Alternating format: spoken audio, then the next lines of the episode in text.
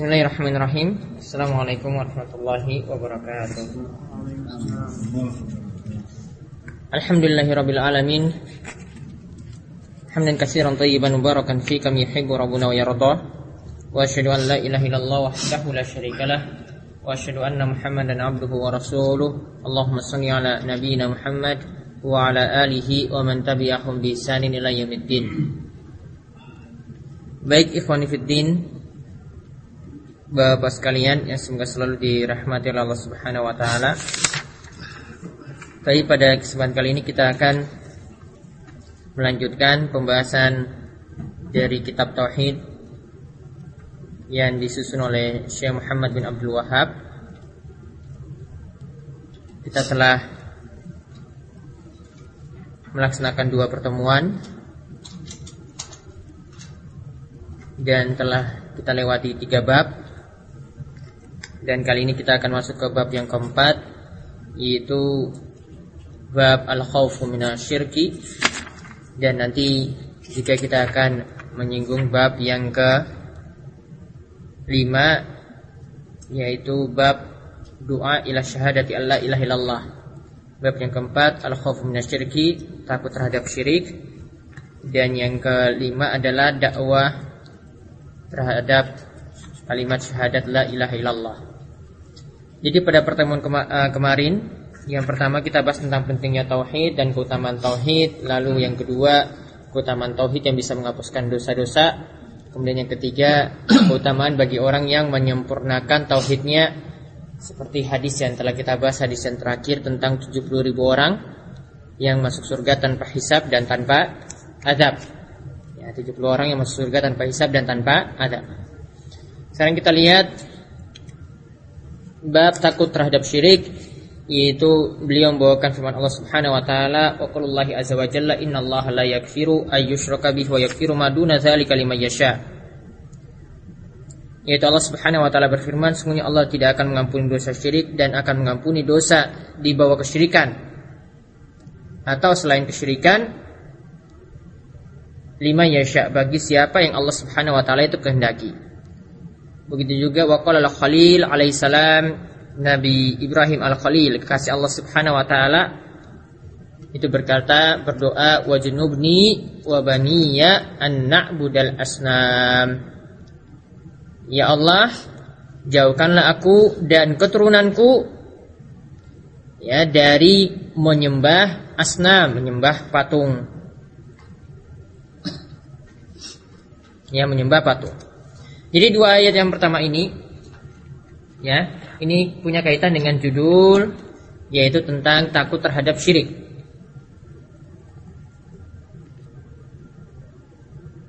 Lihat ayat yang pertama surat An-Nisa ayat 48 juga disebutkan dalam surat An-Nisa ayat 116 yaitu dikatakan bahwasanya innallaha la yakfiru Allah tidak akan mengampuni dosa syirik. Syirik kemarin yang pengertiannya adalah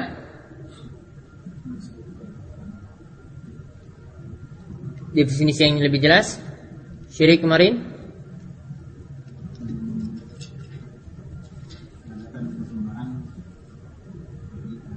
Coba catat, syirik itu adalah syarfus syai'in minal ibadah li Memalingkan satu ibadah saja kepada selain Allah, memalingkan salah satu ibadah kepada selain Allah.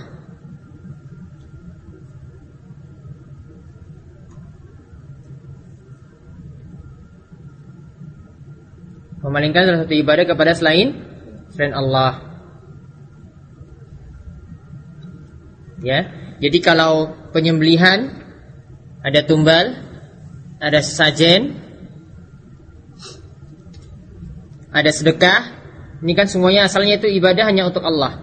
Tapi ditujukan atau disajikan atau disembahkan kepada selain Allah, maka terjatuh dalam perbuatan syirik.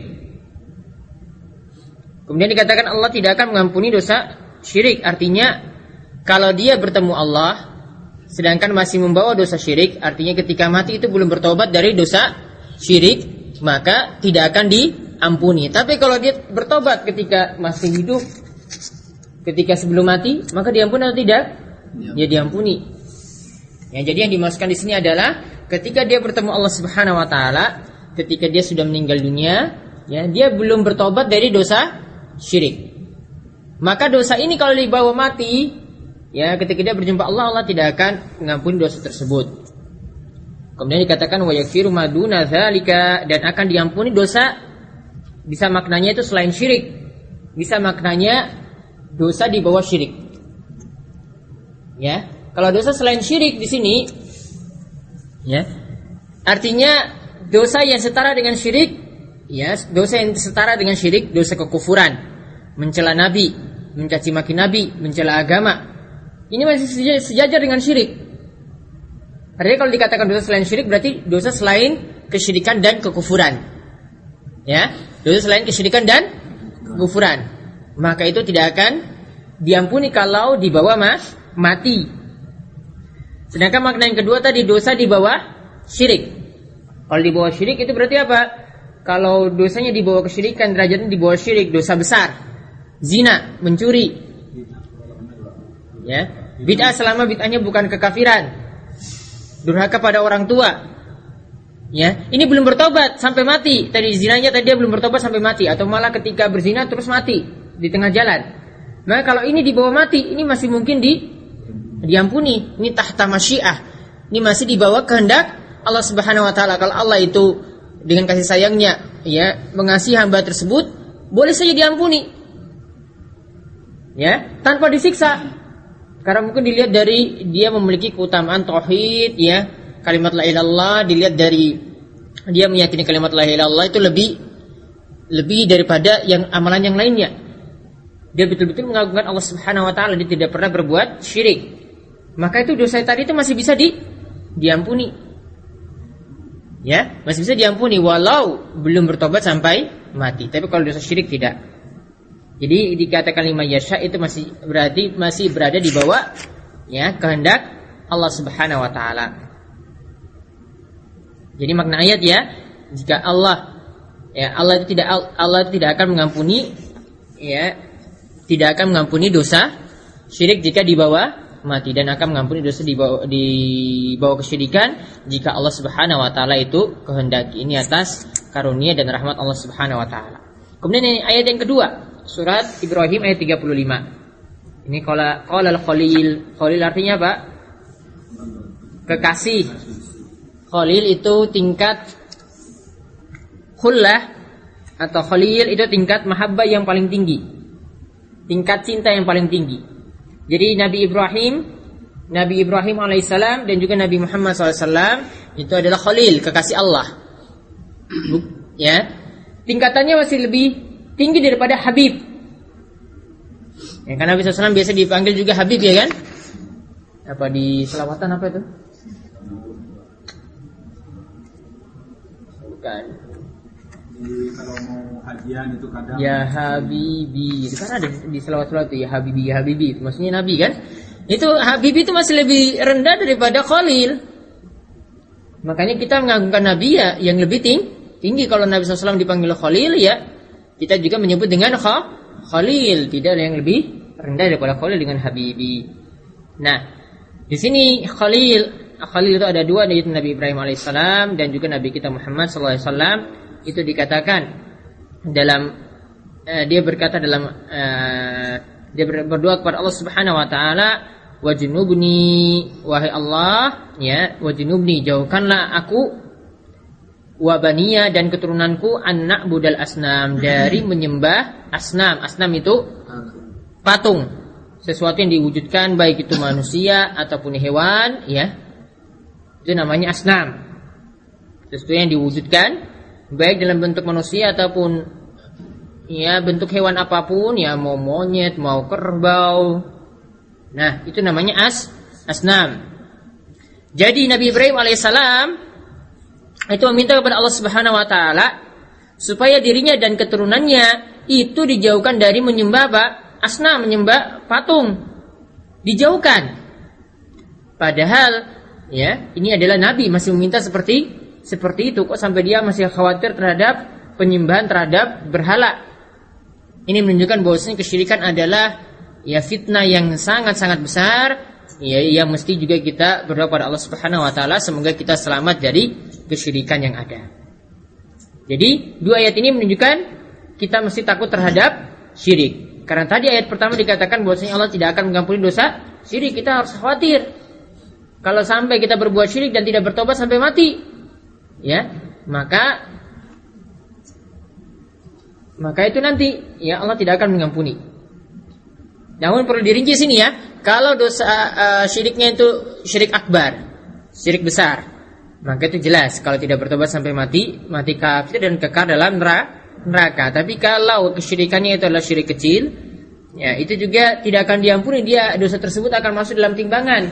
Jika timbangan kebaikannya itu lebih ringan daripada timbangan kejelekannya, ya maka dia akan disiksa terlebih dahulu. Tapi ingat dosa syirik kecil itu tidak membuat seorang itu kekal dalam neraka. Ya, jadi ayat ini intinya ada beberapa faedah di sini. Yang pertama, bahwasanya syirik itu adalah sebesar-besarnya dosa. Karena dikatakan sini Allah tidak akan mengampuninya ketika dia berjumpa dengan Allah Subhanahu wa taala. Kemudian yang kedua, dosa selain syirik atau dosa di bawah syirik, jika seorang itu tidak bertobat sampai mati, maka itu nanti akan berada di bawah masyiatullah akan berada di bawah kehendak Allah Subhanahu wa taala. Jika Allah itu mengendaki akan mengampuni dia ya tanpa dia itu tadi bertobat ketika dia itu mau mati ya yarhamakallah. Maka dia akan diampuni. Namun kalau Allah kehendaki dia itu akan disiksa ya dia akan di, disiksa tergantung dari karunia dan rahmat Allah Subhanahu wa taala. Ini menunjukkan bahayanya syirik sih ya, bahayanya syirik seperti itu. Dosa yang dibawa kesyirikan saja masih bisa diampuni sedangkan dosa syirikan tidak demikian.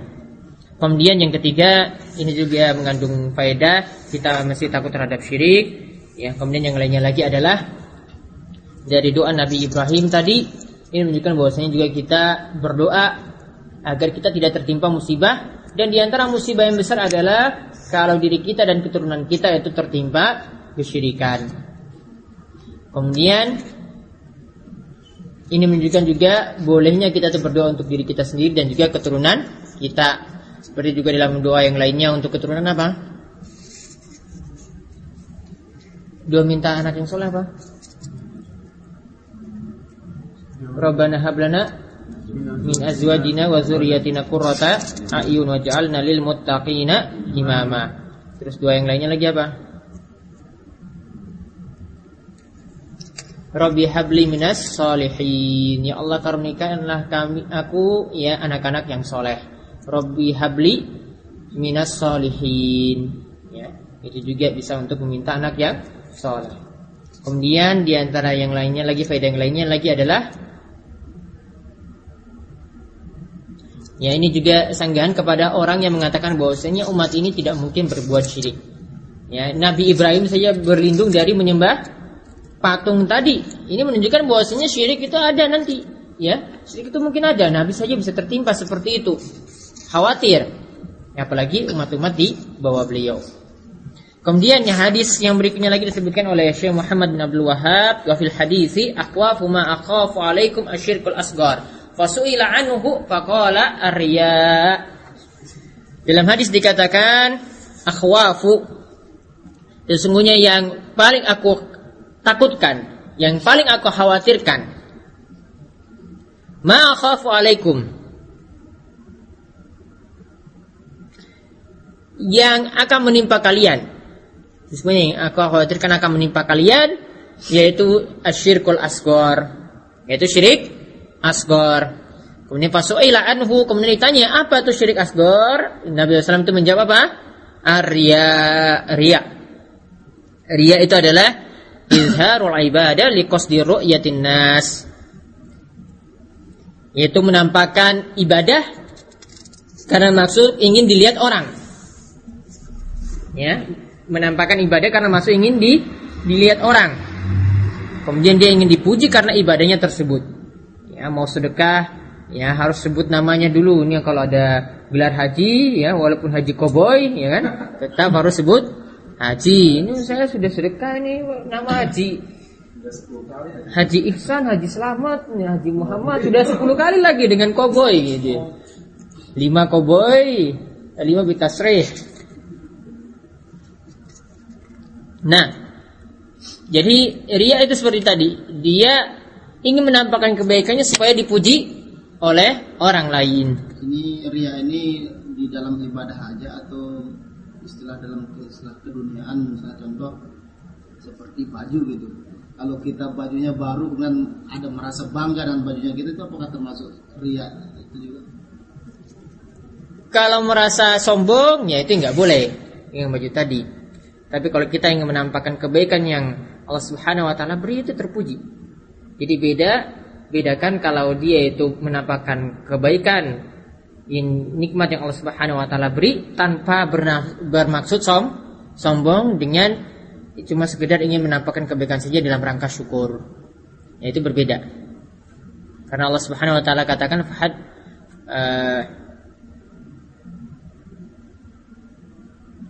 wa bi ni'matika wa bi ni'mati rabbika fahaddits dan dengan nikmat Rabbmu maka ya sebutkanlah. Sebutkanlah artinya sampaikan nikmat tersebut pada orang lainnya itu bisa diwujudkan juga dengan penampilan kita. Jangan tampilannya itu seperti tampilan orang kere orang miskin gitu ya. Ini namanya orang yang kurang ber bersyukur. Kalau diberi rezeki ya beli pakaian yang bagus saup yang bagus kemeja yang bagus ya dalam rangka mensyukuri nikmat Allah Subhanahu wa taala. Jadi makna hadis ini makna hadis ini adalah juga menunjukkan hal yang sama ya dengan yang kita bahas kali ini yaitu agar kita takut terhadap syirik meskipun itu syirik asgor. Karena dikatakan Nabi SAW sendiri takut atau khawatir tertimpa ya kesyirikan itu pada umatnya yaitu syirik asgor ini.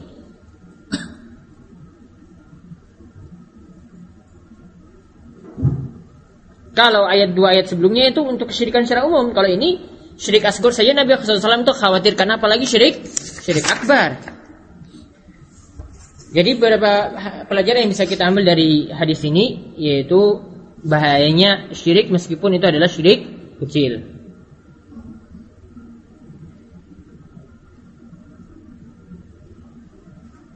Karena Nabi SAW saja ya khawatir sekali dengan syirik ya meskipun itu syirik asgor. Kemudian ini juga menunjukkan kasih sayang Nabi SAW yang begitu khawatir umatnya tertimpa kesyirikan semacam ini. Ya, umatnya tertimpa kesyirikan semacam ini sehingga beliau mewanti-wanti kesyirikan tersebut. Kemudian yang ketiga, syirik itu dibagi dua. Ada syirik apa? Akbar, ada syirik asgor. Ya, yang lebih tingkatannya lebih tinggi itu adalah syirik akbar. Ya tingkatannya itu lebih tinggi itu adalah syirik akbar. Syirik akbar itu tadi seperti pengertian yang kita bahas di awal tadi. Syirik itu adalah malingkan ibadah kepada selain Allah, memalingkan salah satu ibadah kepada selain Allah. Sedangkan syirik asgor, syirik kecil, itu adalah syirik yang disebut syirik dalam dalil, tapi tidak membuat seorang itu kafir. Ya, syirik asgor itu adalah syirik yang disebut syirik dalam dalil, Al-Quran ataupun hadis, ya, namun tidak membuat ka, kafir. Namun tidak membuat kafir. Contohnya apa? Syirik kecil. Tadi ria ya kan tadi kan? Dia tidak semuanya ibadah tadi dipalingkan kepada selain Allah. Dia niatnya ikhlas tapi sebagian ibadahnya untuk cari muka. Nah ini masuk syirik asgor. Bersumpah dengan nama selain Allah. Ini juga syirik asgor. Seperti juga perkataan seorang, Masya Allah wa syi'ta. Atas kehendak Allah dan kehendakmu. Allah disejajarkan dengan apa? Makhluk. Ya, Allah disejarkan dengan makhluknya atas kehendak Allah dan pakai wow. Ya, dan ke kehendakmu. Ini disejarkan harusnya apa? Masya Allahu summa syi'ta atau Masya Allah wahda. Ya, hanya atas kehendak Allah atau kalau mencampurkan kamu berarti apa? Pakai summa, jangan pakai wa. Kalau wa itu menunjukkan apa? Sama. Tingkatannya itu sejajar. Allah itu sejajarkan dengan ma makhluk. Itu nggak boleh. Sama juga dengan kebiasaan masyarakat kita kalau mau majang tulisan Allah dan Muhammad itu sejajar. Di masjid ya kan? Ini kan menyamakan ini. Nggak boleh. Allah dan Muhammad tidak boleh disejajarkan seperti itu. Ya. Biasanya di kanan kiri itu kan? Ya kanan kiri, boleh. Full sini gimana? Gak ada kan? Ish, Oh nggak ada. Ya bener. mana yang tempel-tempel di sini di masjid? Sini nggak ada yang tempel-tempel di masjid kayak gitu kan? Nggak ada manfaatnya. Masjid itu nggak usah dihiasi kayak gitu juga. Nanti masjid itu diisi gitu. Mesti mending kita beli karpet di panjang gitu, beli karpet tebal-tebal gini terus pakai di masjid lebih enak empuk kalau duduk ya kan. Pakai pakai keramik. Masih ada yang perlu dibeli yang lain pada hiasi masjid dengan yang tidak berguna. Nah, intinya sini catat ada tiga perbedaan syirik akbar dan syirik asgor. Tiga perbedaan syirik akbar dan syirik asgor.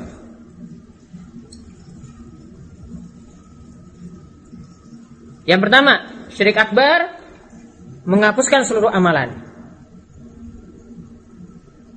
Tiga perbedaan syirik akbar dan syirik asgor. Yang pertama, syirik akbar menghapuskan seluruh amalan.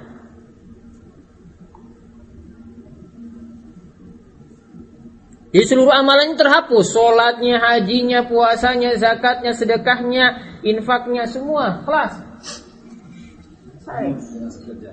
Dengan sekejap. Lakukan tadi tumbal sekali sudah. Sholat tadi sudah tidak teranggap lagi sudah kafir. Nah, namun kalau syirik asgor yang terhapus cuma amalan yang berkaitan. Kalau syirik asgor, sedangkan syirik asgor yang terhapus adalah amalan yang berkaitan.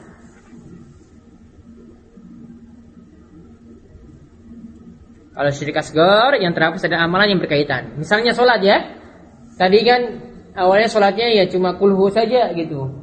Ya, tapi karena ada biar dilihat orang ditambah Al-Baqarah satu halaman. Ya Al-Baqarah satu halaman. Tambahannya ini gimana? Yang terhapus yang mananya? Tambahan. Ya tambahannya tadi. Enggak seluruhnya. Puasa ya enggak terhapus, sama amalan yang ini enggak terhapus. Itu cuma pahala bacaannya atau sholatnya langsung? Karena yang dia tambahkan di sini cuma bacaan itu saja kan? Berarti ini enggak, sholatnya enggak semua batal. Semua tambahan itu. Ya kan? Beda kan? Beda kalau tadi, kalau syirik akbar. Syirik akbar seluruhnya. Mau sholat puasanya semuanya seluruh amal. Kalau ini cuma amalan yang berkaitan saja ya. Tadi sedekah ingin namanya disebut. Berarti cuma sedekah ini saja kan? Amalan hajinya yang dulu dia lakukan ya tidak. Kalau itu tidak bermasalah, dia terhapus. Kemudian yang kedua, syirik akbar membuat pelakunya kekal dalam neraka. Syirik akbar membuat pelakunya kekal dalam neraka. Sedangkan syirik akbar, syirik asgor tidak. Sedangkan syirik asgor tidak.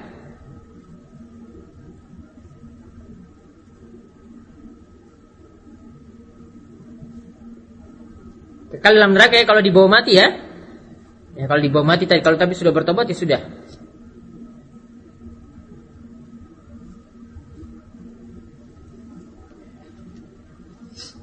Dia minta doa pada wali yang dalam kubur, ya, bukannya masih hidup.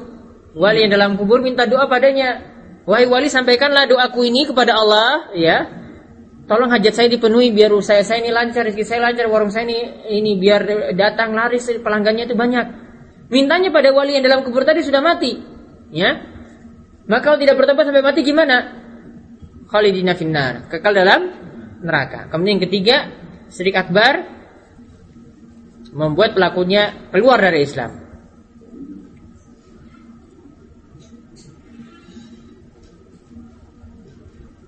Sedangkan syirik asgor tidak. Sedangkan syirik asgor tidak.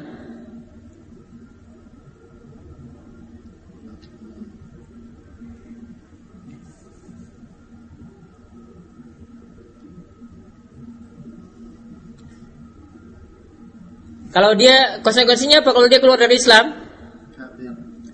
ya kafir. Konsekuensinya apa?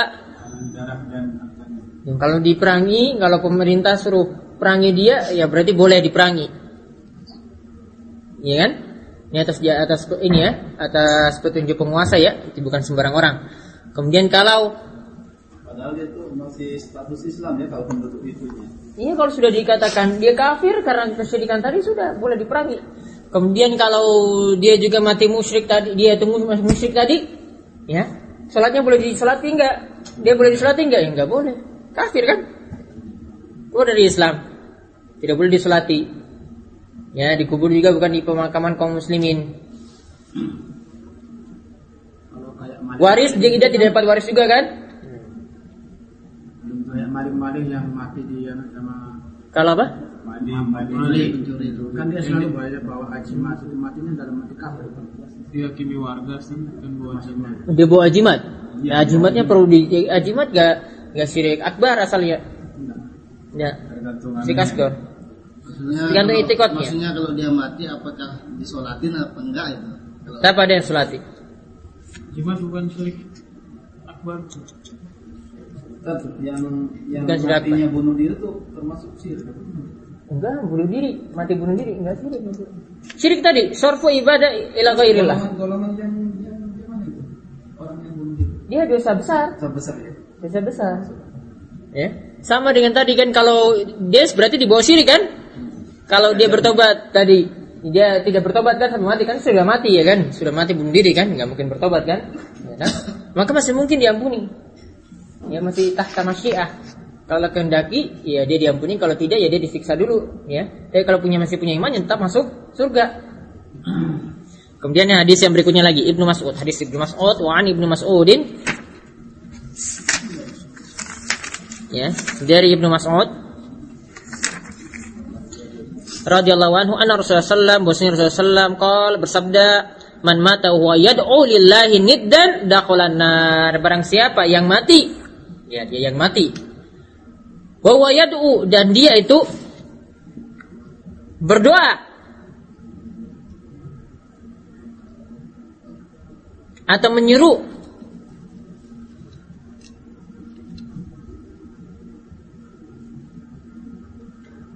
kepada tandingan Allah. Ilahi niddan itu maksudnya tandingan Allah.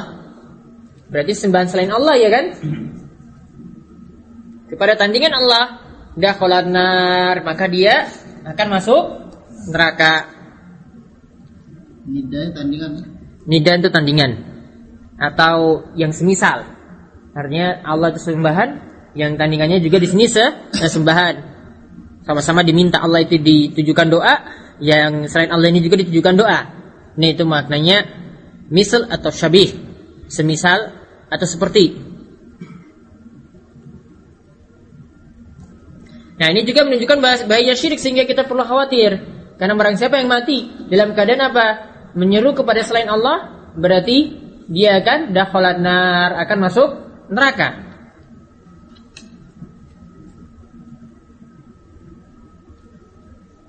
Namun dirinci tadi kan, kalau syiriknya syirik akbar gimana? Masuk ayat masuk hadis ini kan? Mati dalam keadaan berbuat syirik akbar. Mati dalam keadaan tadi istighosa kepada selain Allah misalnya. Ya minta doa kepada selain Allah terus mati. Tanpa bertobat, maka apa? Dakhalan nar, dia akan masuk neraka. Tapi kalau syirik asgar tadi, gimana kalau syirik asgar? Dikatakan Masya Allah wa syi'ta, dia pakai jimat tadi atau dia berbuat ria, gimana? Ya, dia tidak kekal dalam neraka. Ini juga tentang eh, mengandung pelajaran juga bahwasanya kita mesti khawatir kepada syirik karena kalau mati dalam keadaan berbuat syirik tadi tidak bertobat, ya, dakhalan nar akan masuk neraka. Jadi bisa diampuni tadi kalau bertobat sebelum ma- mati. Kemudian yang hadis berikutnya lagi dari Jabir dalam riwayat Muslim wali Muslimin An Jabir dari Jabir anna Rasulullah sallam qal man laqiyallaha la yusyriku bihi syai'a dakhalal jannah wa man laqiyahu yusyriku bihi syai'a dakhalan nar. Barang siapa yang bertemu Allah artinya yang mati Laqiyallah itu artinya bertemu Allah tapi maksudnya sini adalah yang mati. Wa huwa la yusyriku bihi syai'a dan dia dalam keadaan tidak berbuat syirik syai'ah sama sekali. Baik sedikit siriknya itu kecil maupun besar, baik sedikit ataupun ba banyak. Ya. Maka apa? Dakhalal jannah. Maka keutamanya dia akan masuk surga.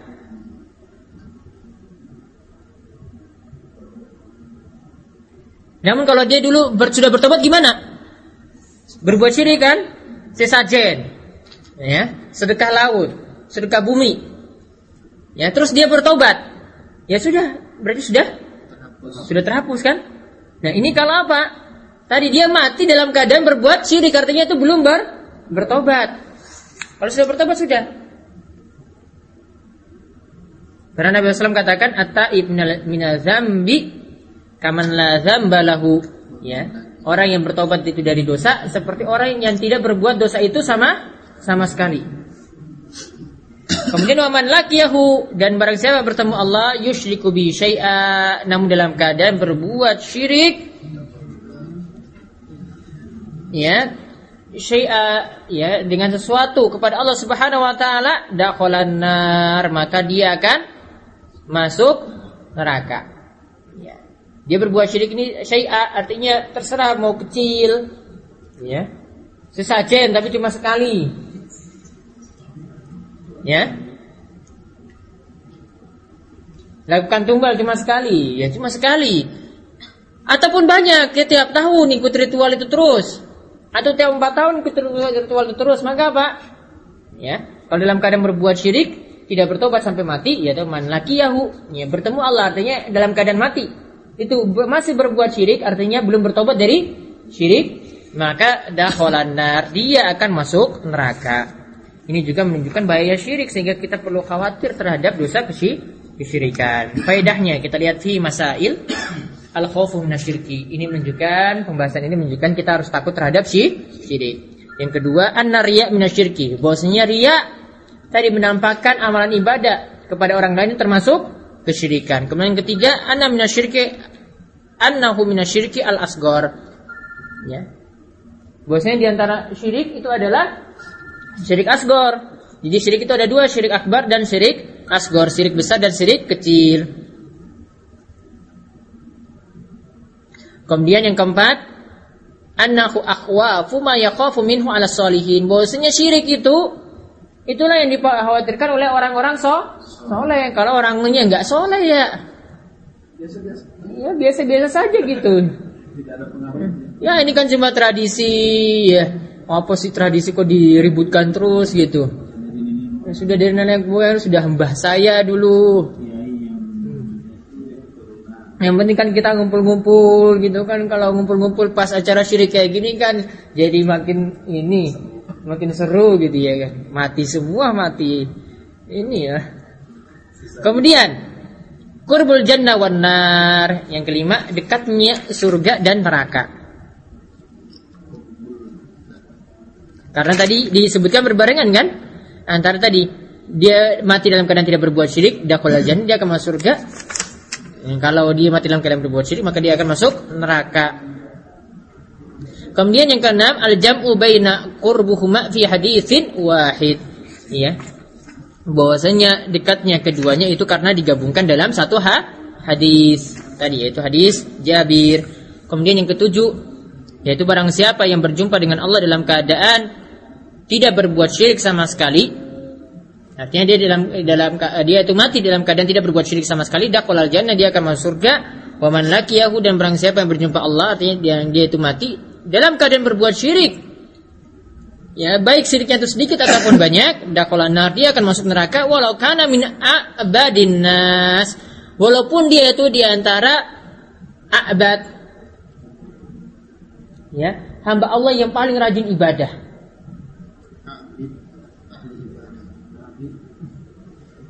ya terserah walaupun dia itu paling uh, sampai jidatnya mau mau irang mau apa nih kema sampai masuk ke dalam gitu ya terserah.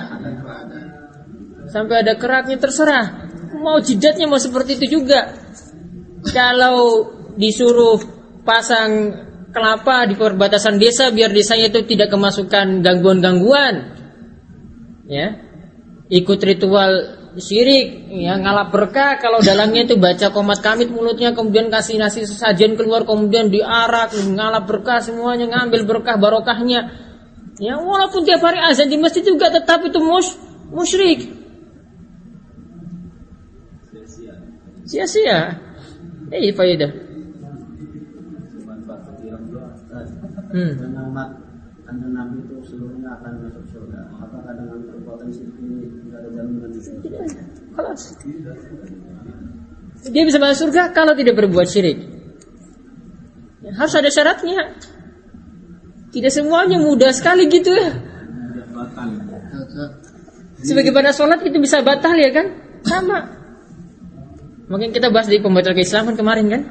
Ini misalnya kalau kita sudah tahu gitu orang ini sedang melakukan kesirikan, itu kan kita udah pelajarin bahwa barang siapa melakukan kesirikan maka terhapus semua amalannya. Hmm. Bagaimana kalau dia itu yang jadi imam gitu? Di kampung kan biasanya kadang-kadang sesepuh-sesepuh aja yang jadi imam gitu. Tapi dia fitur Ya, ritual kita sedekah bumi ya, tadi. Kita tahu bahwa dia itu sering mimpin ritual-ritual yang kayak gitu juga. Nah, bagaimana kita yang sebagai makmum gitu? Apakah Cari imam lain atau cari masjid lain. Kalau saya sikapnya seperti itu. Itu sikap untuk saya sendiri, tapi saya nggak suruh orang lain. Itu dari ada dari sahabat atau siapa? karena kan takut kita amalnya itu terhapus kan nggak ada faedahnya kita mengikuti Iya, makanya apa faedahnya? Tapi kalau ada itu riwayat dari sahabat atau Hmm. itu masih mengikuti di belakangnya orang ahli-ahli bid'ah tapi itu Ini bid'ah nggak kafir kan? lain tetap lainnya. Beda.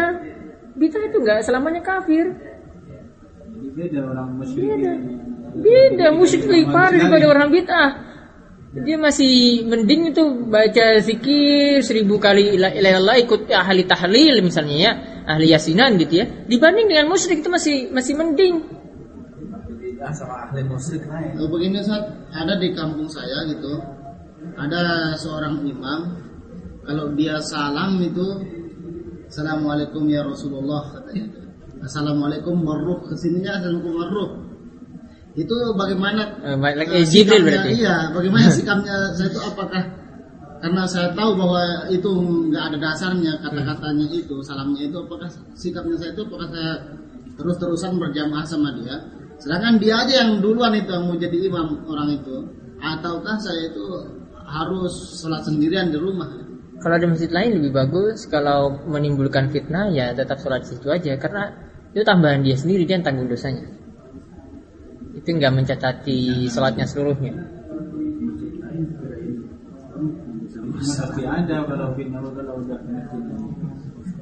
Nah, kemudian yang kedelapan al-mas'alatul azima su'alul khalil lahu wali banihi wa qayati ibadatil asnam wiqayatil ibadatil asnam yaitu ini masalah yang besar sampai pun al-khalil yaitu Nabi Ibrahim alaihissalam itu berdoa meminta kepada Allah ya agar dirinya lahu dirinya wali banihi dan keturunannya itu wiqaya terselamatkan atau terbentengi dari melakukan peribadatan terhadap patung atau berhala.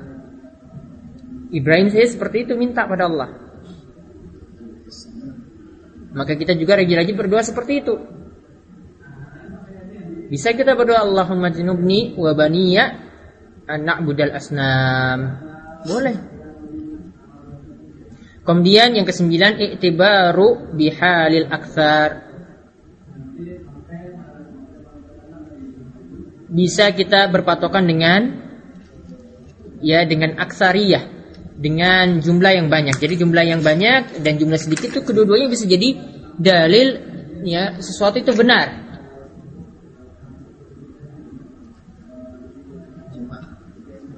Ya. Karena karena di dalam ayat yang lain dikatakan Rabbi innahunna adlalna katsiran minan nas. Bisa menjadi dalil sesuatu itu benar atau sesuatu itu sesat. Wahai Robku, sesungguhnya mereka telah menyesatkan banyak manusia.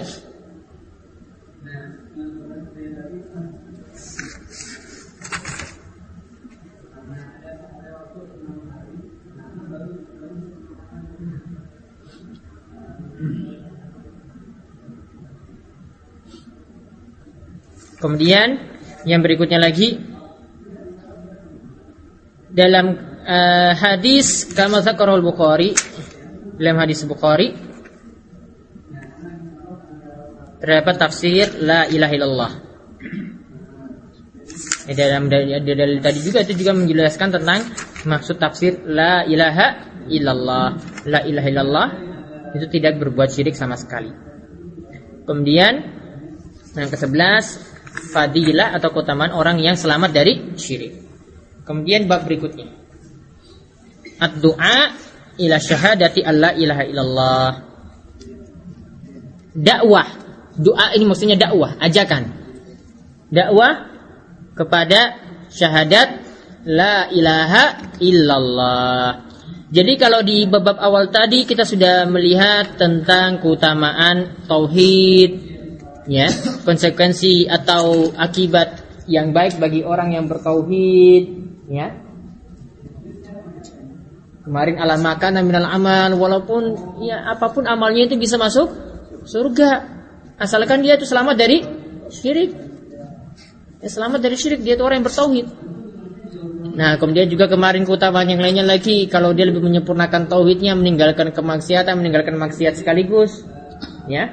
Keutamaannya lagi lebih besar lagi, bisa termasuk di antara orang-orang yang masuk surga tanpa hisab dan tanpa azab. Ya.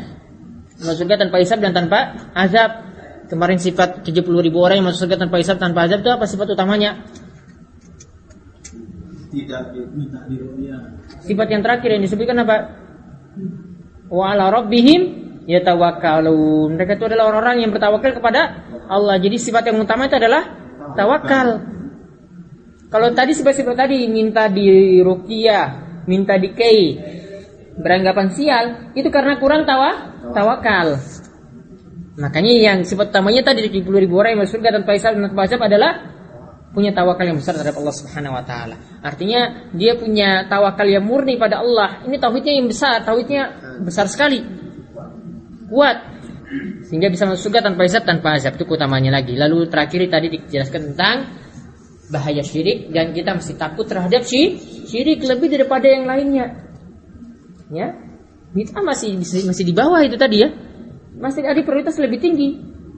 Korupsi masih masih di bawah syirik ini loh. Kenapa mesti demo-demo? Ya ada ada koruptor ini macam-macam dihukum mati dihukum gantung. Yang sesajenan yang biasa pakai tumbal itu yang masih di ini lebih keras. Nggak ada prioritas kita tuh kalau mau demo gitu. Ya, malahin orang saya didanai lagi. orang saya. iya kan? Dapat prioritas gitu. sapi. yang masih di bawah syirik itu dihujat mati-matian itu dihukum gantung aja merugikan miliaran. Ini syirik ini lebih parah ini loh. Orang yang korupsi kalau mati gimana? Masih bisa masuk surga nggak? Masih mungkin. Masih mungkin kan?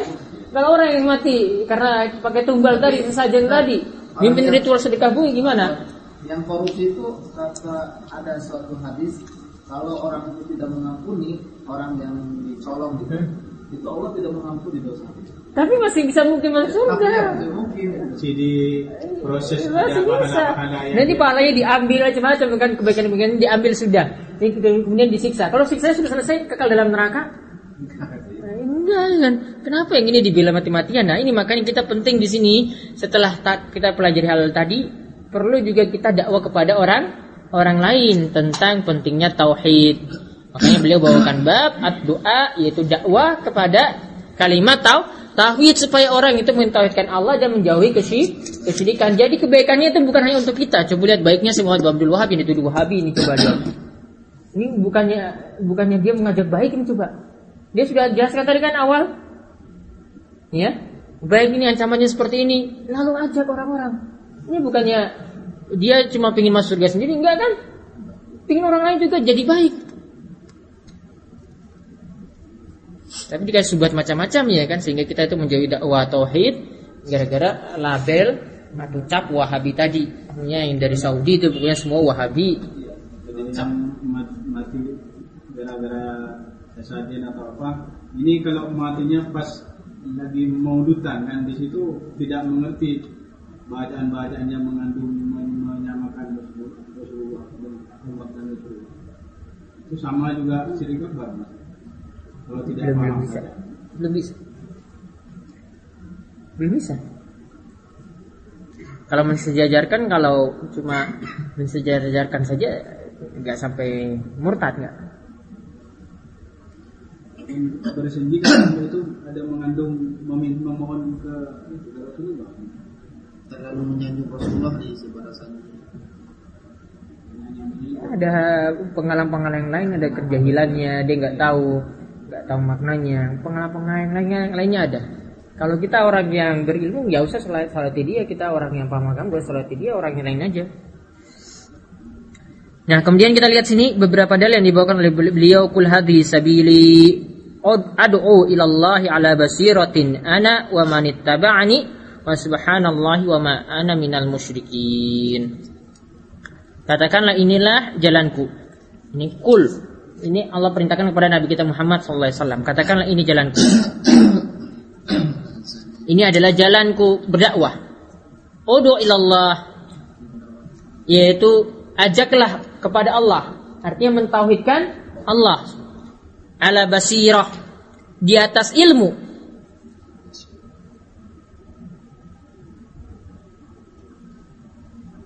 Jadi sampaikan hujah-hujah alasan yang benar, dalil yang benar. Jangan cuma pakai logika.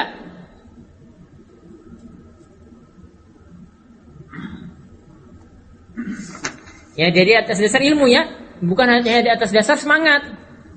Jadi nggak bisa kita cuma bawa bawa kitab, ya toh, baca fadilah-fadilah amal, sampaikan keutamaan-keutamaan amal seperti ini, nggak tahu yang disampaikan tuh hadisnya doif, nggak tahu yang disampaikan itu hadisnya keliru.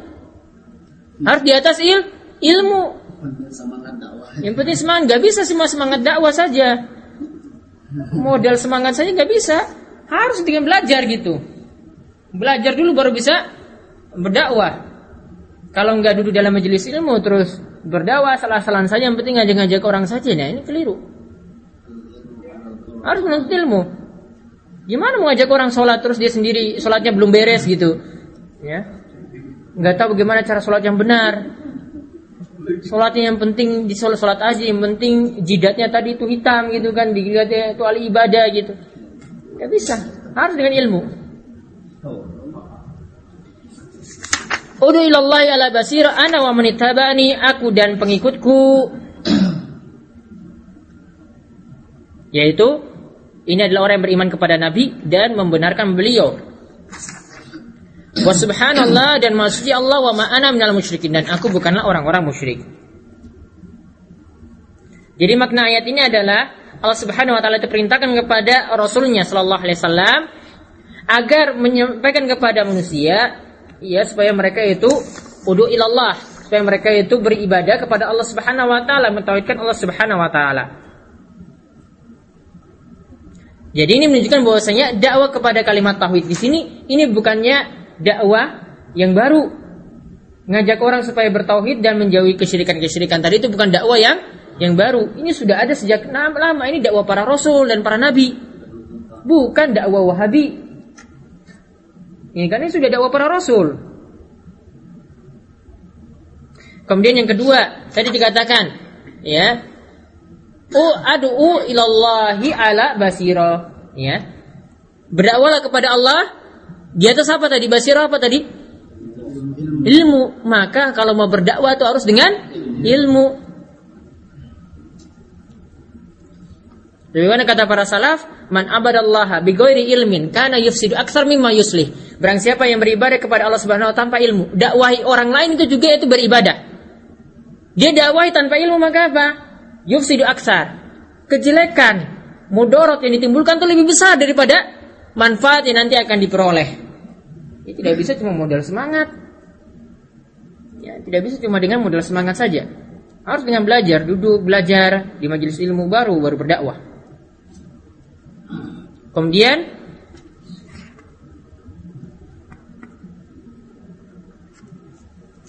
Ya di sini dikatakan tadi ad'u ilallah. Serulah kepada Allah. Maka orang yang mau berdakwah itu harus ikhlas. Ya, bukan maksudnya untuk cari uang. Bukan maksudnya dalam berdakwah itu untuk tentukan tarif harga sehingga yang diperoleh cuma cari yang dia inginkan itu cuma harta saja. Jadi buat tarif. Kalau saya ngajar di ngajar di Papua sini oh tarifnya ini ya 500 juta lah. Kalau di Jawa sini ya 10 juta lah minimal gitu ya. Jangan pakai tarif seperti itu. Oh ya ikhlas, bukan cari uang. Ya itu kan belakangan amplopnya ya kan. lewat belakang. Biji ehlatnya kalau kosong amplopnya. ada tuh di anak tuh Ustaz tuh anak- dengar sendiri itu setelah dia tablet di, Hmm. di podium itu amplopnya kurang nggak datang lagi tuh tahunnya akan datang dia mulu datang nggak datang lagi nggak mau kurang tuh amplopnya Pas tuh, pasaran turun. ya, jadi sistem tarik Tapi Kemudian- kebanyakan ini Ustaz yang dia berdalil itu sampaikanlah walaupun satu ayat itu orang yang Balegu anni, anni, aninya itu siapa aninya? Balegu anni, ada kata aninya di situ, sampaikan dariku. Dariku tuh hadisnya sahih apa enggak itu kalau gitu sampaikan. Kalau hadis doif itu dari Nabi SAW atau tidak? Tidak. mau disampaikan benar-benar. Iya benar-benar dari Rasul ya kan? Benar-benar dari Rasul berarti hadisnya hadis apa? Bismillah. Sahih. Kalau hadisnya di Fadil Amal doif gimana? Boleh? Ih, Salah kaprah. Ini kan baligu ani kan ada kata aninya, aninya dilupa. Cuma sampaikan saja baligu ani walau ayat, satu ayat. Ayatnya dari siapa? Buat buat sendiri dari hadis maudhu, hadis doa itu bukan dari Nabi, nggak bisa. Baligu ani ada kata aninya di situ kan dariku. Ada yang dari Nabi. Kalau hadis doa ya enggak. Dari kiai bukan dari Dari kiainya guru saya.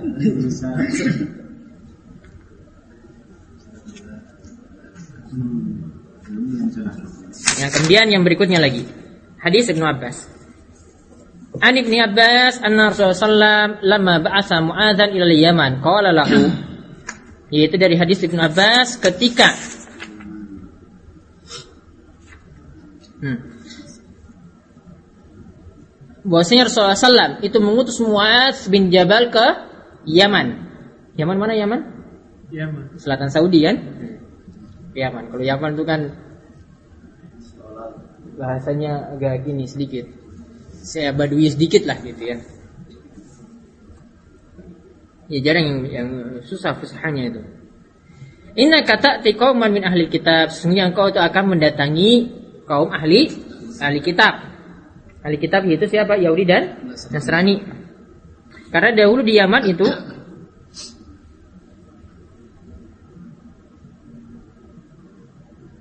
Karena di Yaman dahulu ya orang-orangnya itu lebih banyak daripada orang-orang musyrik di di Arab. Dan yang di sana adalah ahli kitab. Falyakun awwala ma tad'uhum ilaihi syahadatu alla ilaha illallah. Maka jadikanlah awal dakwah yang yang engkau itu sampaikan kepada mereka adalah syahadat la ilaha illallah.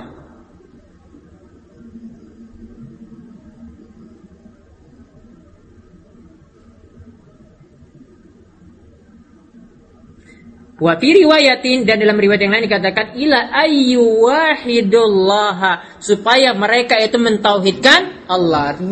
Larang mereka dari berbuat syirik. Nah, jadi di sini menunjukkan apa? Prioritas dakwah. Lihat ini.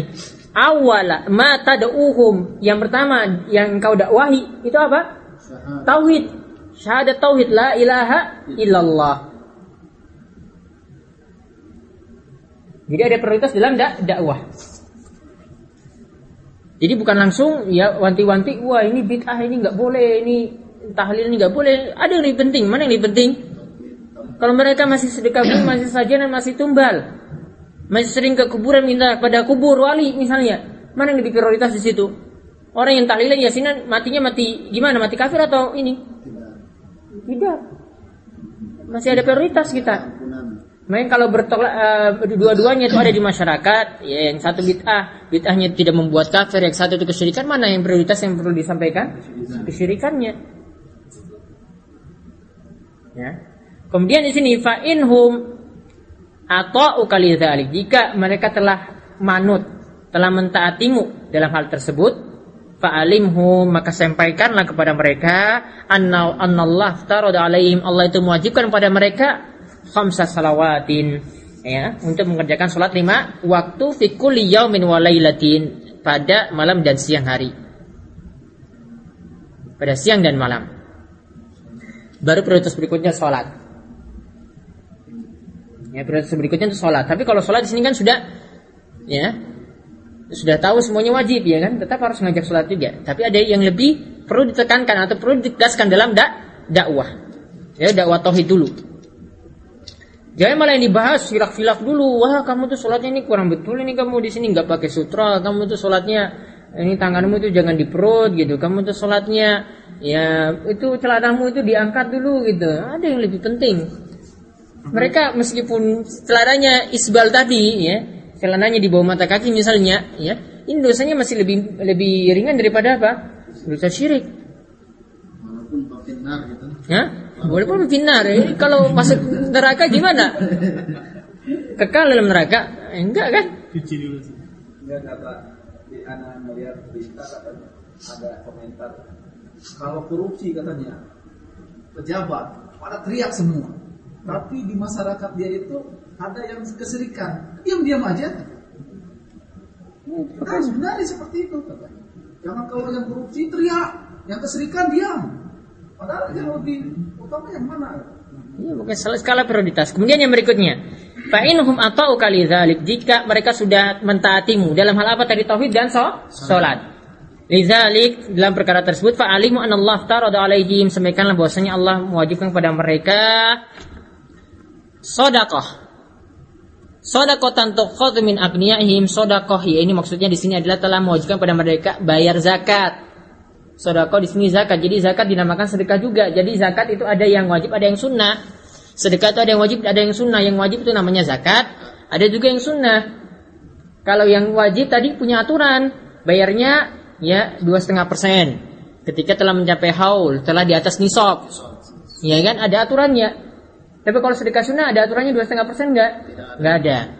keikhlasan Ya, seikhlasnya. Kemudian fa'inhum atau kali zalik ya. Tadi fa'alimu an Allah taradu alaihim sadaqatan tu'khadhu min agniyaihim nanti zakat tadi itu diambil dari orang-orang kaya di antara mereka. Agniyaihim di sini yang berarti telah memenuhi syarat ya.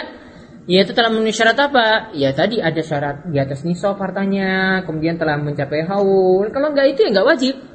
Kalau ter- tidak terpenuhi haulnya, tidak terpenuhi nisabnya, ya enggak sampai wajib. Faturaddu ala fuqaraihim. Baru nanti disalurkan lagi kepada orang-orang miskin di antara mereka. Faturaddu dikembalikan atau disalurkan lagi kepada orang-orang miskin di antara mereka. Jadi zakat itu abdolnya diambil dari orang-orang kaya tersebut kemudian disampaikan, dibagikan untuk orang-orang miskin di masyarakatnya, di warganya. ada khusus gitu ambil zakatnya Hmm? ada khusus ambil zakat yang menarik zakatnya Ambil zakat siapa yang Pemerintah. Hah? Enggak, yang di ini yang dimaksud ambil zakatnya siapa yang ngangkat? maksud saya ini misalnya ada yang kita khususkan sebagai ambil zakat untuk mengambil ambil zakat dari orang kaya gitu itu Ambil zakat itu mesti dengan tuntutan eh, dari SK surat keputusan dari pemerintah. Amil itu namanya amil. Jadi kalau tunjuk orang untuk ambil zakat saja tanpa ada surat keputusan seperti itu, dia berarti dia cuma sebagai wakil. Artinya orang yang punya zakat di sini, ya, muzaki orang yang mau bayar zakat, ya, dia nanti yang apa? yang menyampaikan Yang nitip kepada wakil tadi, tolong dibagikan kepada orang-orang miskin. Ya, itu cuma wa, wakil bukan a, amil. Amil itu ada surat keputusan kayak di sini, kayak di Saudi sini. orang yang sebagai wakil itu bagaimana Dia tidak boleh mengambil bagian dari zakatnya tadi sama sekali. Tidak boleh. Kalau namun kalau ada upah dari muzaki tadi, ini kamu ya upahmu ini ya, 10 ribu ya, tolong dibagikan saya nih. Ya boleh dia manfaatin. Ini upah. di kampung ngambil dua gitu jadi yang satunya untuk katanya ini untuk ambil katanya biasa itu di kampung yang satunya karena dia miskin juga itu jadi dapat dua jatah dia Salah paham itu. Harus diluruskan itu bukan ambil zakat nggak boleh. Kecuali kalau dari eh, muzaki bilang tadi ini upahmu sebagian, ya. Kemudian ini tolong bagikan. 10 juta ini kamu bagikan, tolong ini 100 ribu ini untuk kamu. Nah itu baru boleh diambil 100 ribu tadi. Ini upah, upah kerja, uang bensin. Nah itu. Uang transport. Kalau menentukan sendiri, Nggak bisa. kampung Kemudian fa'inu matau kali zalik jika mereka mentaatimu dalam hal itu fa iyyaka wa qaraima amwalihim. Jika mereka mentaatimu dalam hal tersebut maka hati-hatilah ya dengan harta-harta mereka yang terbaik. Karoim itu harta pilihan, harta yang bagus, harta berharga.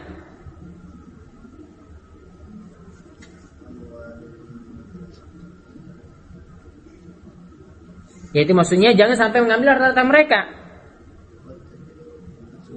Karena kalau kita mengambil harta mereka berarti kita berbuat zolim. Maka Nabi SAW katakan wattaqidak watal mazlum. Maka hati-hatilah dengan doa orang yang dizolimi.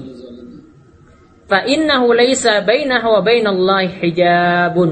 Karena di antara dirinya tadi orang yang terzolimi tadi dan Allah itu tidak ada hijab. Artinya doanya itu mustajab. Kalau dia itu berdoa ketika dia terzolimi tadi, ya, celaka kamu di jalan nanti, itu mustajab.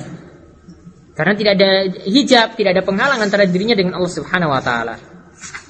Hadis ini akhrajahu yaitu dikeluarkan oleh Bukhari dan Muslim fi sahihain ya dalam uh, kitab sahih mereka berdua. Kemudian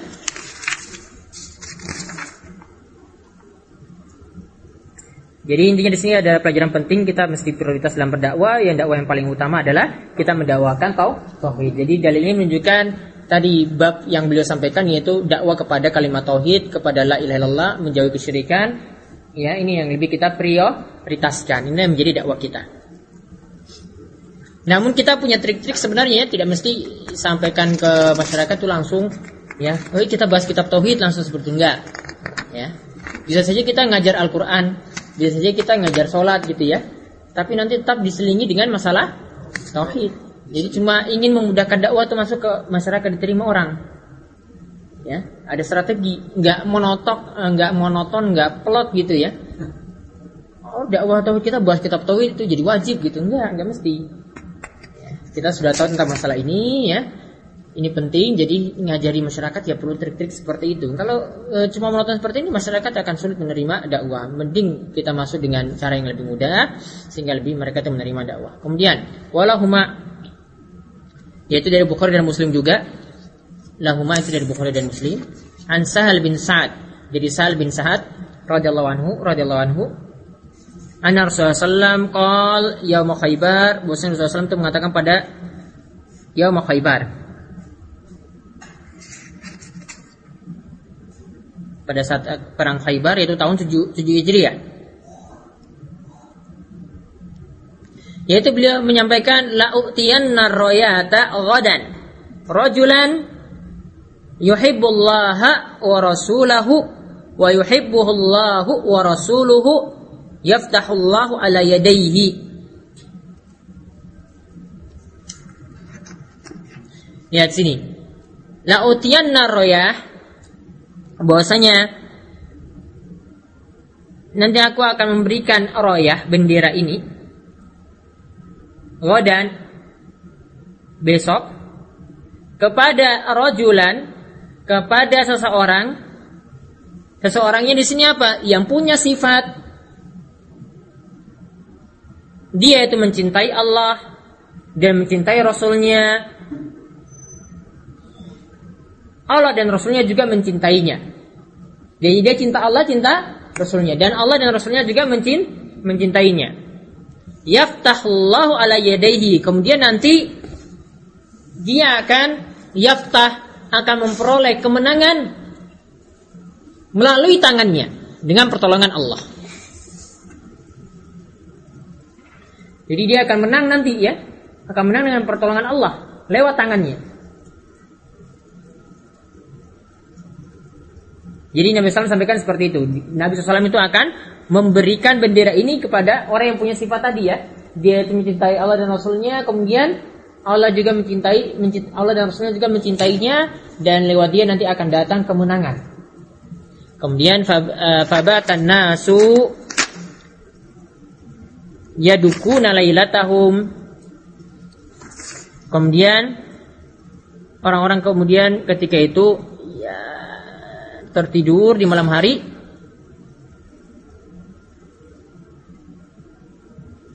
nah kemudian da, uh, datanglah malam kemudian yadukuna lailatahum ayyuhum yu'taha. Kemudian mereka berdiskusi pada malam tersebut, pada malam mereka pada malam tersebut, siapa di antara mereka itu yang nanti akan diberikan royah tadi, diberikan bendera tadi. Karena kalau dia diberikan bendera berarti apa? Itu tanda bahwasanya dia mencintai Allah dan Rasulnya, Allah Allah dan Rasulnya juga mencintainya dan dia nanti lewat tangannya itu nanti akan datang meraih kema- kemenangan. Jadi para sahabat itu mendiskusikan siapa orang ini. Siapa di antara kita ini ya yang nanti dapat bendera tadi? Kemudian falamma asbahu ya. Kemudian tadi pada malam seperti itu kan mereka diskusi kan? Kemudian falamma asbahu kemudian ketika pagi hari godau ala Rasulullah mereka mereka pergi menuju Rasulullah SAW kulluhum yarju mereka itu berharap ayu toha mereka lah yang mendapatkan bendera tersebut. Kayak kemarin kan yang tentang kisah Ukasah ya kan?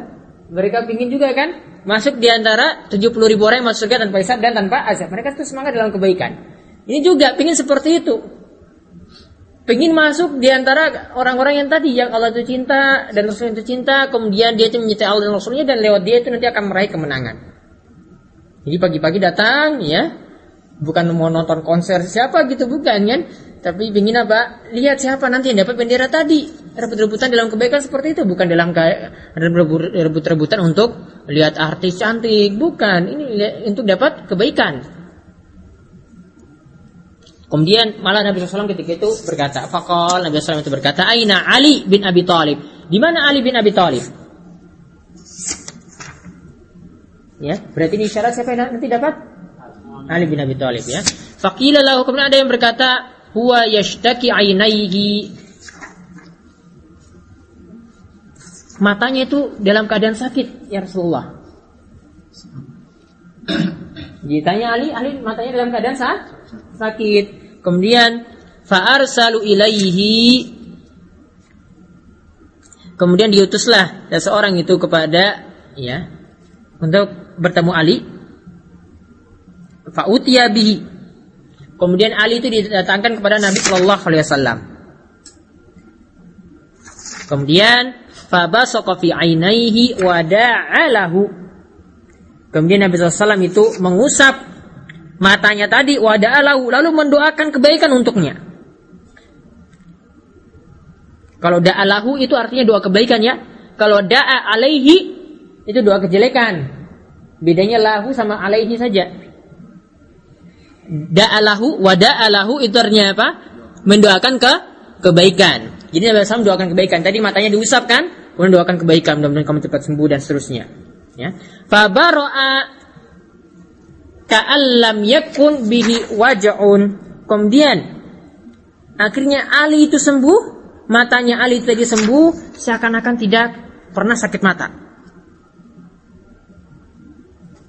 Kemudian apa? Fa'atahu royata.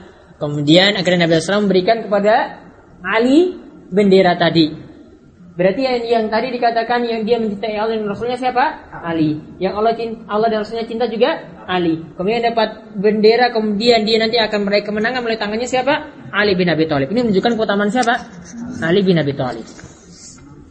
Jadi Wahabi itu bukan benci, membenci ahlul bait, bukan. Lihat di sini. Ya ini Syekh Muhammad bin Abdul Wahab sampai bawakan hadis yang menunjukkan keutamaan siapa? Ali bin Abi Thalib. Tidak seperti orang Syiah yang terlalu gulu mengagungkan Ali bin Abi Thalib secara berlebihan. Sampai mereka katakan yang jadi khalifah pertama itu sebenarnya bukan Abu Bakar, itu salah salah amanat itu, seharusnya Ali. Ya. Atau bahkan katakan bahwasanya seharusnya yang dapat wahyu itu bukan Muhammad, harusnya Ali dulu. Jibril itu salah, salah orang. Jibril itu salah orang, salah datangi. Harusnya Ali bin Abi Thalib ini loh. Nah, tapi datang ke Muhammad. Kemudian wakal kemudian Nabi SAW itu bersabda unfus ala rislik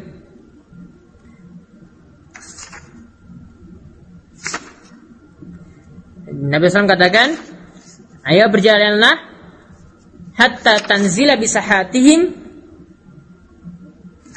sampai engkau ya, sampai engkau menuju pasukan-pasukan uh, bisahatihim pasukan mereka summa ilal Islam ini Maksudnya Nabi SAW katakan, ayo majulah, berperanglah. Sampai engkau itu masuk di tengah-tengah pasukan mereka, yaitu pasukan musuh-musuhmu. Summa hukum ilal Islam, kemudian sampaikanlah dakwah kepada Islam yaitu agar mereka itu mentauhidkan Allah. Wa dan sampaikanlah dakwah kepada mereka bima yajibu alaihim yaitu tentang kewajiban yang nanti diwajibkan pada mereka min haqqillah taala fihi yaitu tentang kewajiban Allah Subhanahu wa taala untuk mereka. Kemudian ya, di sini dikatakan sini ya, ud'uhu ud'uhum ilal Islam. Sampaikanlah dakwah kepada Islam. Islam dakwahnya itu adalah mentauhidkan Allah dan menjauhi ke kesyirikan. Kemudian sampaikan kewajiban-kewajiban yang lain lagi. Kemudian ini yang menunjukkan keutamaan dakwah kata Nabi SAW, "Fawallahi la ayyahdiyallahu bika rajulan wahidan khairul laka min na'am." Sesungguhnya jika Allah memberikan petunjuk lewat tanganmu, Allah yang berikan petunjuk berarti di sini ya, bukan manusianya ya. Allah yang berikan petunjuk, Allah yang berikan hidayah. Tapi kita yang sampaikan, ya, tadi disampaikan oleh dai tadi. Jadi Allah yang beri petunjuk. Jika Allah memberikan petunjuk lewat tanganmu, Allah beri petunjuk kepada seseorang lewat tanganmu, wahidan satu orang saja, maka itu khairul laka min humurin Nam, itu lebih baik daripada apa? Unta merah. Ini adalah harta yang paling berharga di kalangan orang Arab dahulu.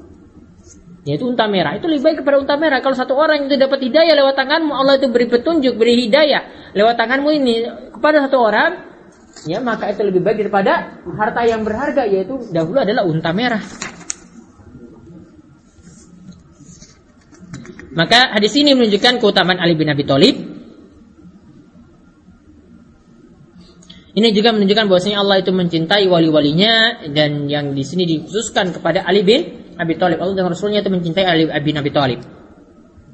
Kemudian hal ini hadis ini juga menunjukkan ke, uh, semangatnya para sahabat untuk kebaik, uh, melakukan kebaikan karena apa? Mereka menunggu siapa nanti akan diberikan apa? Bendera. Bendera.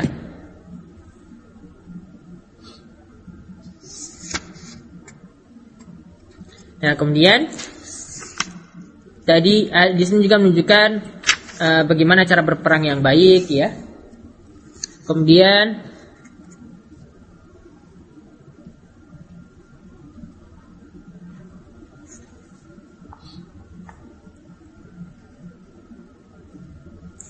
Nah, di sini juga menunjukkan bagaimana pemimpin yaitu Nabi SAW itu bersikap lemah lembut terhadap umatnya, terhadap kaumnya, terhadap rakyatnya. Kemudian yang yang lainnya lagi adalah menunjukkan tentang kewajiban dakwah kepada Islam. Ya, didakwahi dulu. Sebelum apa? Sebelum diperangi. Sahatihim itu tadi masuk kepada uh,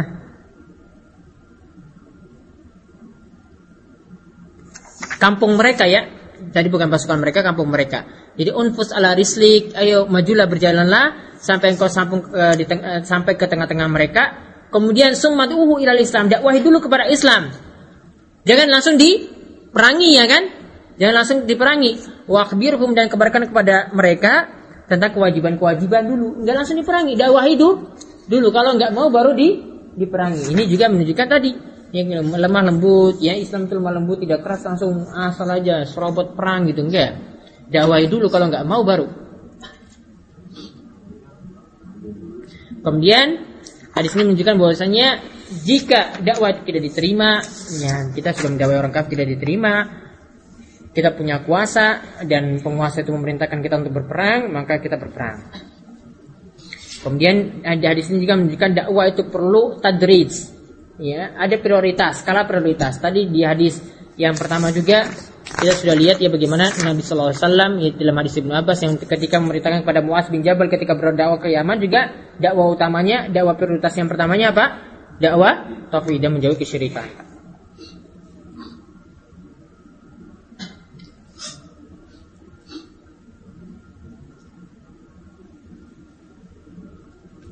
Kemudian hadis ini juga menunjukkan tentang kita harus beriman kepada takdir. Karena apa? Tadi dapat bendera siapa? Ali. Kalau bukan takdirnya, ya sudah kita harus beriman kepada itu. Ya ini bukan takdir saya, nggak dapat bendera itu ya harus ridho. Sama kita nggak dapat rezeki tadi apa? Harus ridho. Harus terima ya kan? Ada orang yang sudah dapat jatah takdirnya masing-masing.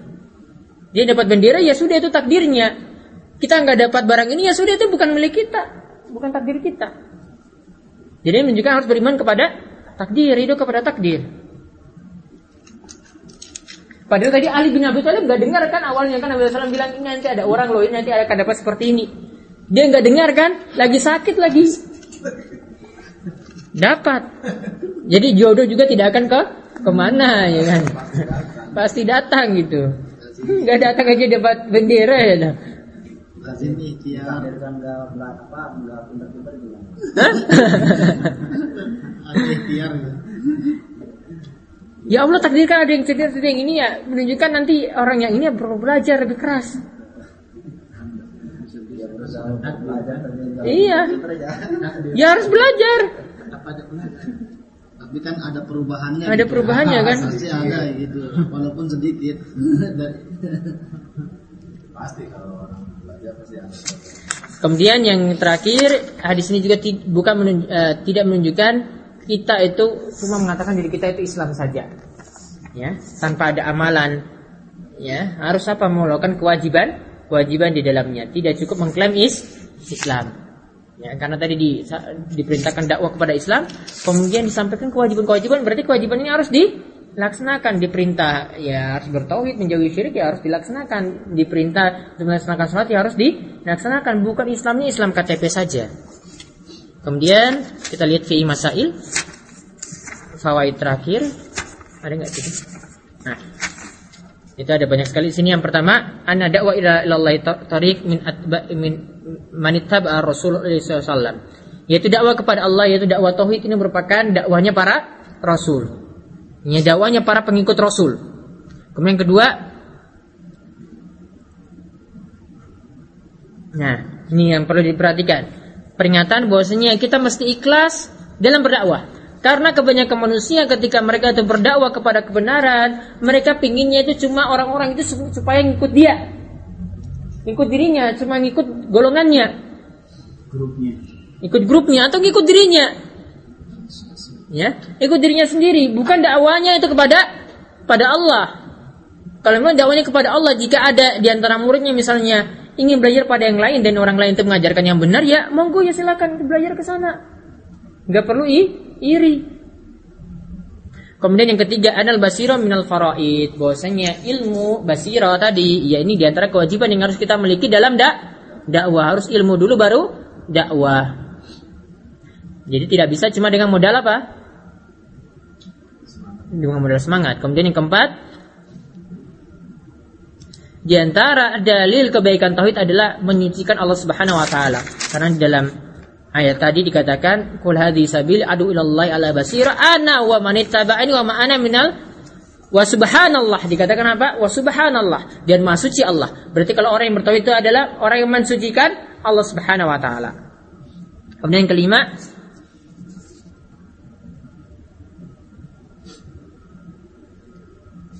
di antara bentuk kejelekan syirik karena kesyirikan itu apa karena kesyirikan itu dicela oleh Allah Subhanahu wa taala. Atau dia kesyirikan itu adalah mencela Allah Subhanahu wa taala. Kemudian yang berikutnya lagi yang keenam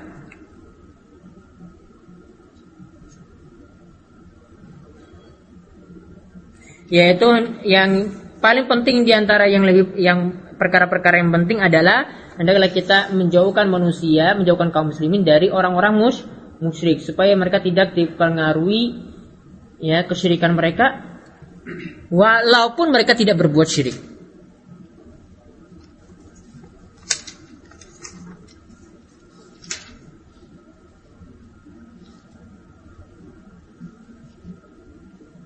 Kemudian yang berikutnya lagi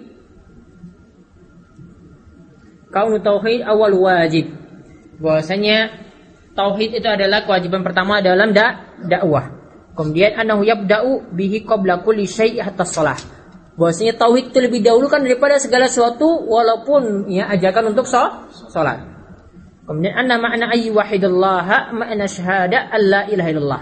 Tadi ada kalimat ayyuhidullah pada hadis Muaz bin Jabal tadi, hadis Anas bin Malik tadi ya, hadis Ibn Abbas tadi. Ada kalimat ayyuhidullah. Ini menunjukkan bahwasanya makna syahadat la ilaha illallah adalah itu tadi kita mentauhidkan Allah. Kemudian ke-10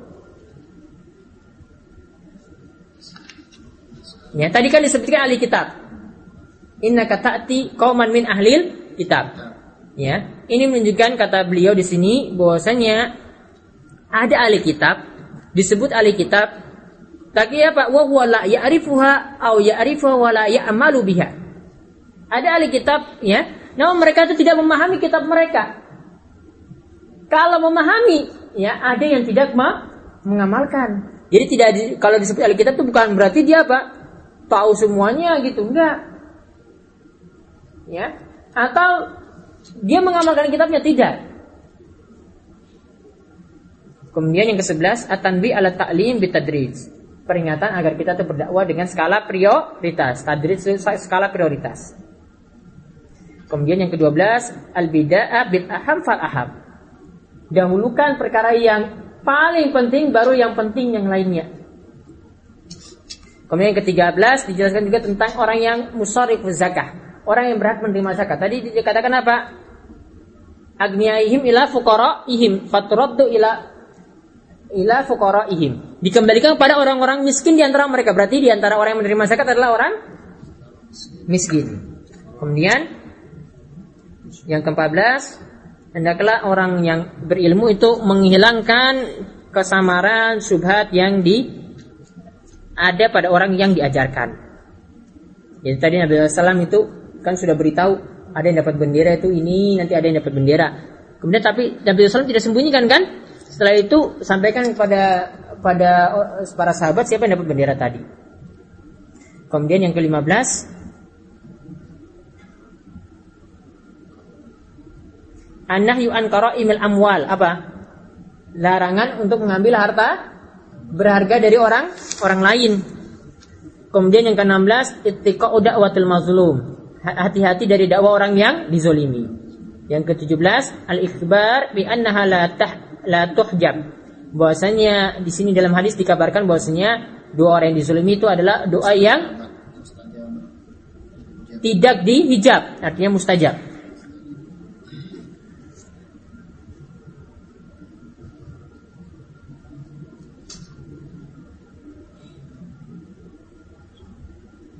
Kemudian yang ke-18 min adilat tauhid di antara tanda tauhid adalah apa yang diterima oleh oleh Sayyidil Mursalin, penghulu para rasul, kemudian oleh wasadatil auliyat, oleh orang-orang yang soleh, minal masyakku ada kesulitan yang mereka peroleh, ada walju, ya, ada kelaparan, wabah, ada wabah atau cobaan, ya, mereka akan menerima cobaan-cobaan semacam itu. Tadi Ali bin Abi Thalib juga kan menerima cobaan yang sama. Kemudian qauluhu juga dalam perkataan la u'tiyanna royata yaitu akan diberikan bendera ya.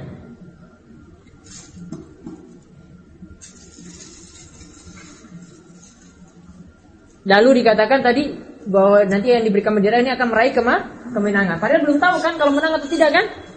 Ya? Ini menunjukkan bahwasanya ini di antara tanda apa? Tanda kenabian, tanda nubuah Nabi SAW adalah seperti itu. Kemudian Tadi Nabi SAW tafluhu fi ainaihi. Nabi SAW itu mengusap matanya si Ali.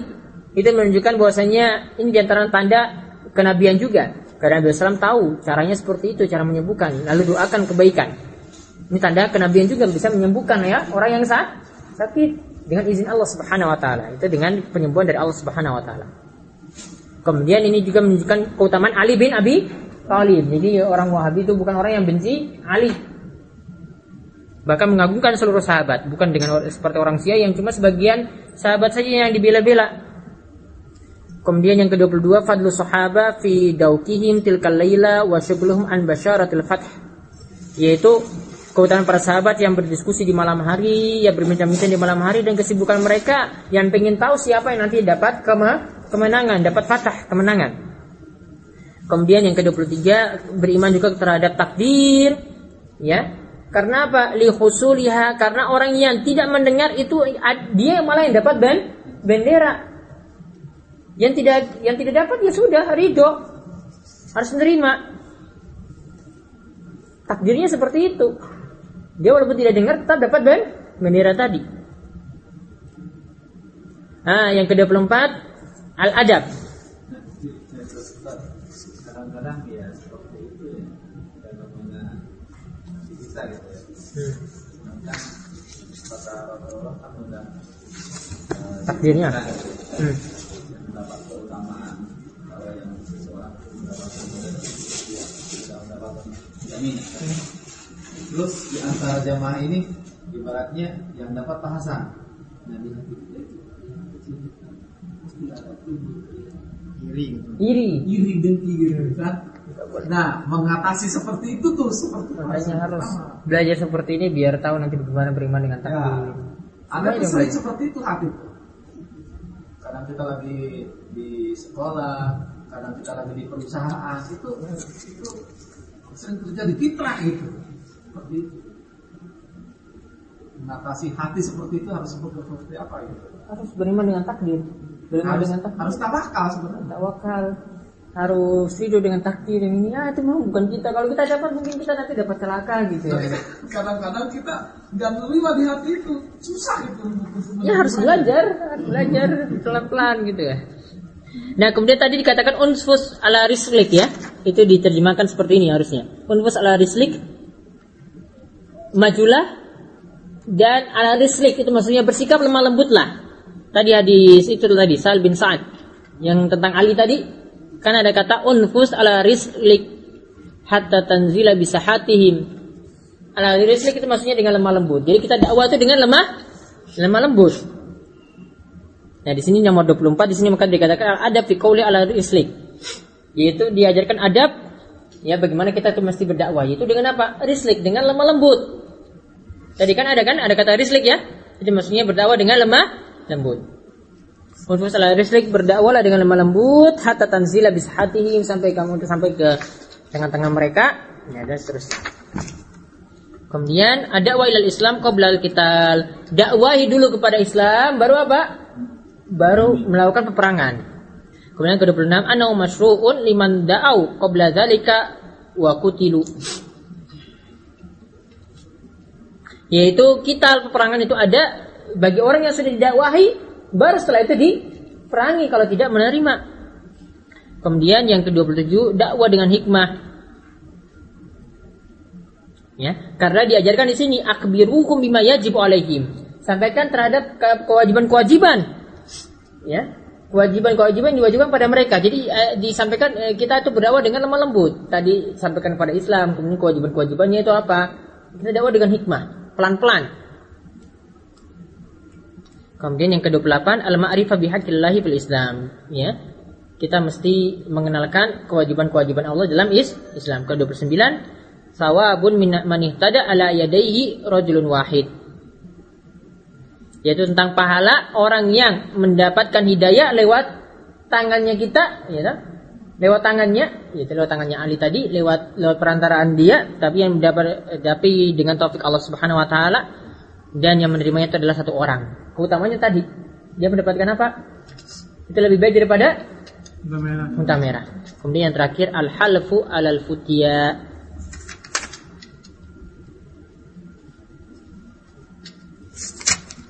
Bersumpah dalam fatwa. Karena dikatakan Fawallahi li ayyahdiallah Dikatakan fawallahi demi Allah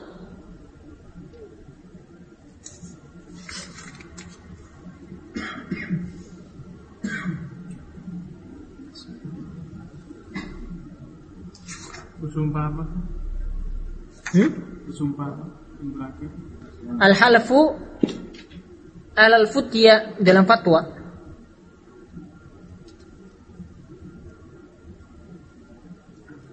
Kan tadi dikatakan fa wallahi la ayyahdiyallahu bika. Ini kan yang dikatakan demi Allah. Itu ada kalimat ya dukuna tadi itu maknanya yaquduna ya. Qada tunduk.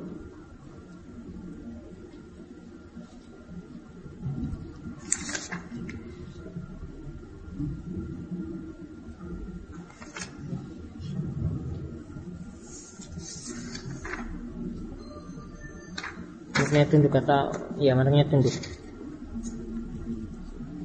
Sudah ada yang tanyakan?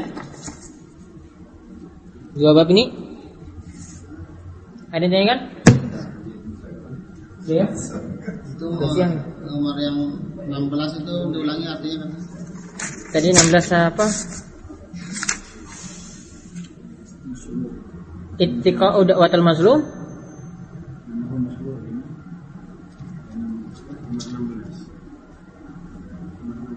16 itu kan? Itu. Hati-hati dengan doa orang yang terzolimi. Nomor berapa? Sudah? 16 ya kan? Apa lagi? Sudah? Itu? Yang mana? Coba lihat mungkin isinya lain kali coba lihat. 28 masuk ayo 28 26 26 26 26 Annahu masyru'un liman da'au qabla dzalika wa kutilu.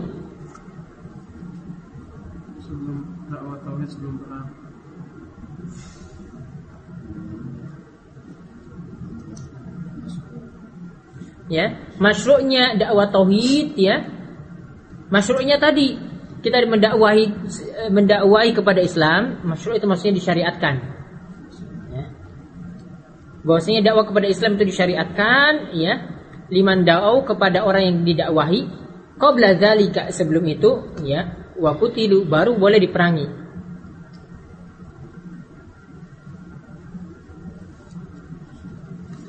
Sudah ya?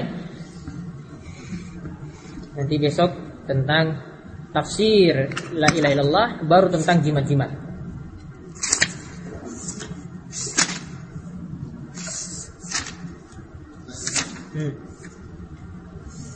Jadi kan di kampung kita banyak sekali ya orang-orang tua kita yang yang masih melakukan istilah kesyirikan.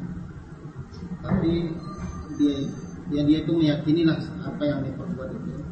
Tapi dia nggak tahu bahwa yang dia perbuat itu sesuatu yang membuat dia itu akan dirumuskan ke dalam neraka nanti. Jadi apakah orang ini di apa Disikapi Ya, bagaimana itu nanti dia di hadapan Allah gitu. Karena dia itu tidak tahu bahwa yang dia perbuat itu adalah termasuk ke suatu kemungkaran kepada Allah gitu. Bagaimana itu nanti apakah dia itu apakah dia itu berdosa atau enggak karena dia nggak tahu gitu bahwa yang dia lakukan itu suatu kesalahan. Tapi dia tetap yakin dengan apa ritual-ritual yang yang setiap hari itu.